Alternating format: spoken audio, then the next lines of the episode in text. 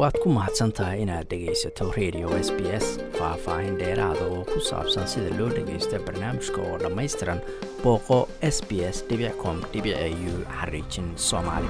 Cayaartooyga number oneka ka cayaaraha tenniska novak jokovich ayaa ku guuleystay dagaal maxkamadeed waxaana laga sii daayey hotel wasaaradda socdaalku ay ku haysay oo ku yaalla magaalada melbourne. Wiilkan oo soddon iyo afar jira ayaa arbacadii la soo dhaafay dalkan australia soo galay isagoo sheegay inuu haystay sababo caafimaad oo uusan u soo qaadan tallaalka covid nneteen-ka ninkan oo ah kan ugu caansan taniska raggu cayaare adduunka oo dhan ayaa ka baxay goob ay hay'adda socdaalku ku haysay kadib markii maxkamadii ay xukuntay in go'aankii lagu kansalay fiisadiisa toddobaadkii la soo dhaafay uu ahaa mid aan sax ahayn.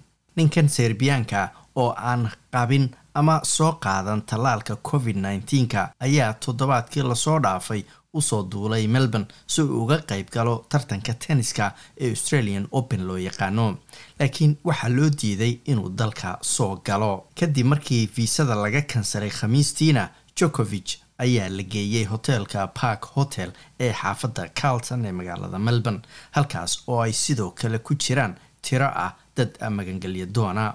Isniintiina ra'iisul wasaare scott morrison ayaa taageeray go'aankii wasaaraddiisa socdaalku ay gaartay iyo macluumaadka ay siisay maamulayaasha tenniska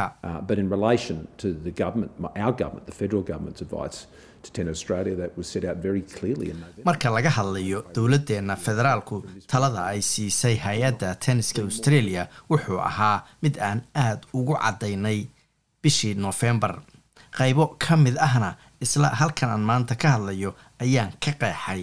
Marka waa ay caddayd ayuu yidhi taasoo uula jeedo in qof aan qabin labada tallaal uusan australia soo galayn haddii uusan haysan sababo uusan isu tallaalin oo caafimaad. Hadallo ad adag ayaa la isku dhaafsaday doodii subaxii isniinta ka dhacday maxkamadda oo dadku ay dhanka online-ka oo keliya kala socdeen iyadoo website-kii baahinayay doodaasi ay ciladii ku timid dhowr goor.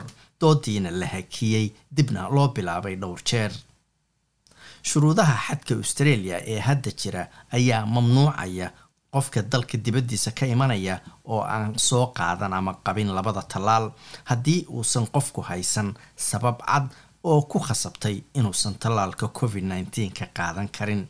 Maer jokovich ayaa isagu aaminsanaa inuu haysto sabab caafimaad oo uusan isu tallaalin sida laga soo xigtay dukumiinti maxkamadeed oo la sii daayay sabtidii jokovich waxaa ku dhacay covid nneteen-ka bishii disembar lix iyo tobankeedii sannadkii la soo dhaafay.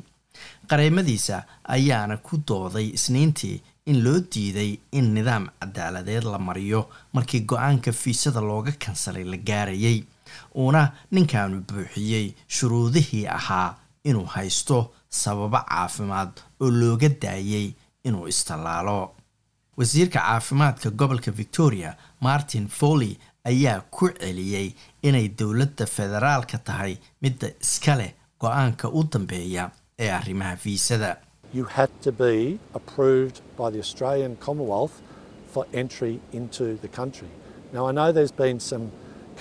waa dowladda federaalka midda bixisa ama ansixisa fiisada dalka lagu soo gelayo waana ognahay inay soo baxayeen hadallo iyo warar iskhilaafsan oo ka soo baxayay qaybo ka mida isla dowladda federaalka. Laakiin waa arrin u taalla dowladda federaalka inay sheegto sababta talooyinka lagu wareeray ay u soo baxayeen. Go'aanka cidda ka qaybgalaysa tartanka annaga iyo tennis australia ayaa iska leh laakiin go'aanka fiisada annagu ma lihin. Hal heer dowladeed ayaa go'aamisa fiisada mana aha dowladda victoria ayuu yidhi martin foley. Qareemada jokovich ayaa sidoo kale sheegay in tennis australia ay ka dhaaftay shuruudda tallaalka qoraallo ay isdhaafsadeen iyaga iyo wasaaradda arrimaha guduhuna lagu sheegay inuu ninkani buuxiyey shuruudihii uu dalka ku soo geli lahaa isagoo aan tallaal qabin kadib markuu dhageystay doodii qareemada jokovich isniintiina xaakim antony kelly ayaa amray in qarashkii maxkamadda xataa laga bixiyo jokovich isagoo sidoo kale su'aalay. Waxa kale ee ninkan waa cayaartooygane laga rabay inuu sameeyo. Nick woods s c oo ah mid ka mid a qareemada jokovich ayaa sheegay in ninkan xiddigan ciyaaraha tenniska uu aada ugu wareeray xaaladda markii ay maamulayaashu su'aale ku weydiiyeen garoonka diyaaradaha ee melbourne toddobaadkii la soo dhaafay. Uuna islahaa wax kasta oo lagaa rabay waad samaysee maxaa meesha ka socda? Jahawareerka arrintan ka dhashay ayaa indhaha caalamka oo dhan soo jiitay. Hooyada wiilkan diana jokovich oo serbiya ku sugan ayaa iyaduna carag ka muujisay xaaladda wiilkeedu uu galay.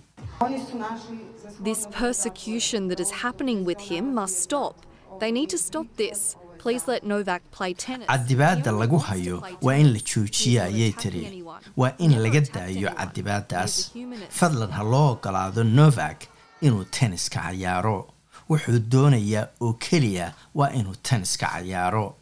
Cidna weligiis ma uu weerarin waa nin bini aadanka oo dhan jecel ayay tiri hooyo diana. Madaxa australian open craig tiley ayaa axaddii janalnaynka u sheegay in awaamiir iskhilaafsan iyo duruufo adag ay sababtay in jokovich loo diido inuu dalka soo galo isagoo haysta sabab caafimaad oo looga dhaafay shuruudda ah in qofku tallaalan yahay.